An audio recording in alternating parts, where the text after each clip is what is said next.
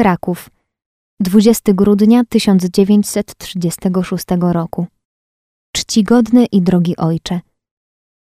Ślę serdeczne życzenia świąteczne. Wiele łask od Bożej dzieciny. Zdrowia i sił do pracy ku chwale Bożej. Łamiąc się tym opłatkiem z drogim Ojcem, życzę, by słodkie dziecię Jezus, które Ojciec codziennie piastuje w swych rękach, udzieliło światła, mocy i sił do głoszenia tego niepojętego miłosierdzia Bożego, aby z Matką Najświętszą przeżywał chwile Jezusowych narodzin, chwile, które się ponawia w każdej mszy świętej. Matka Najświętsza szczególną opieką otacza kapłanów. Niech wszystkie trudności i przeciwności pierzchają, jak nocne cienie przez moc imienia Jezus. Życzę także wesołego i szczęśliwego nowego roku.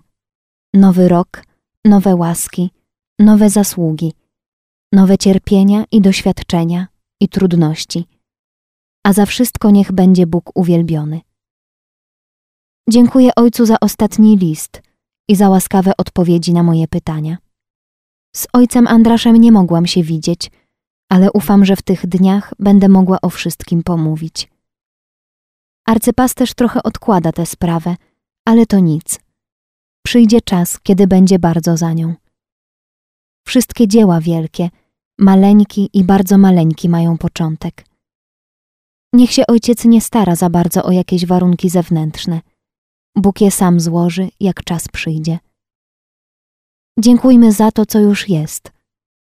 Wiele już jest w tej całej sprawie zrobione.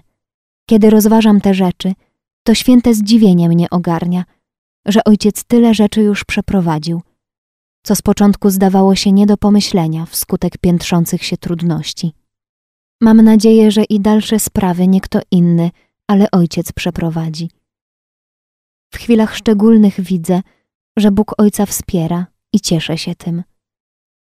Dziękuję bardzo za tę uwagę, która się tyczy miłości własnej. Dziękuję bardzo za te uwagi. Staram się w czyn je wprowadzić.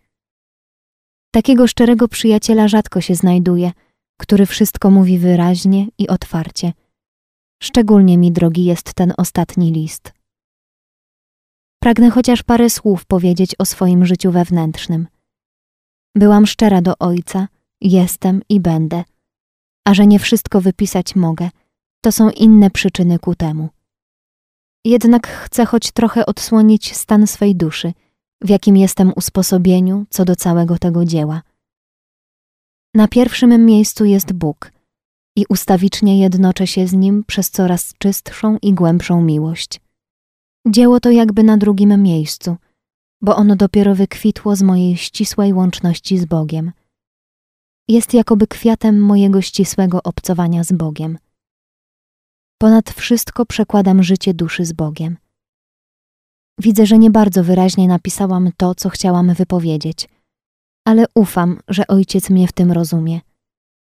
Ja obecnie jestem od 9 grudnia w sanatorium, trochę poza Krakowem, na Białym Prądniku i mam tu być trzy miesiące. Jeżeli ojciec byłby łaskaw jakieś słowo mi napisać – to adres do Józefowa, bo siostry często u mnie bywają, to mi doręczą. Stan mojego zdrowia jest jeszcze niezupełnie dobry, ale znacznie lepiej, jak było. Kochana matka generalna postanowiła ten wyjazd na kurację. Jestem otoczona nadzwyczajną troskliwością. Niechaj i w tym Bóg będzie błogosławiony. W tym szpitalu mam osobną separatkę. Jestem sam na sam z Panem. Kapliczka jest niedaleko i spędzam sama wiele czasu na rozmowie z Panem. Obecnie jestem pod wyłącznym Jego kierunkiem.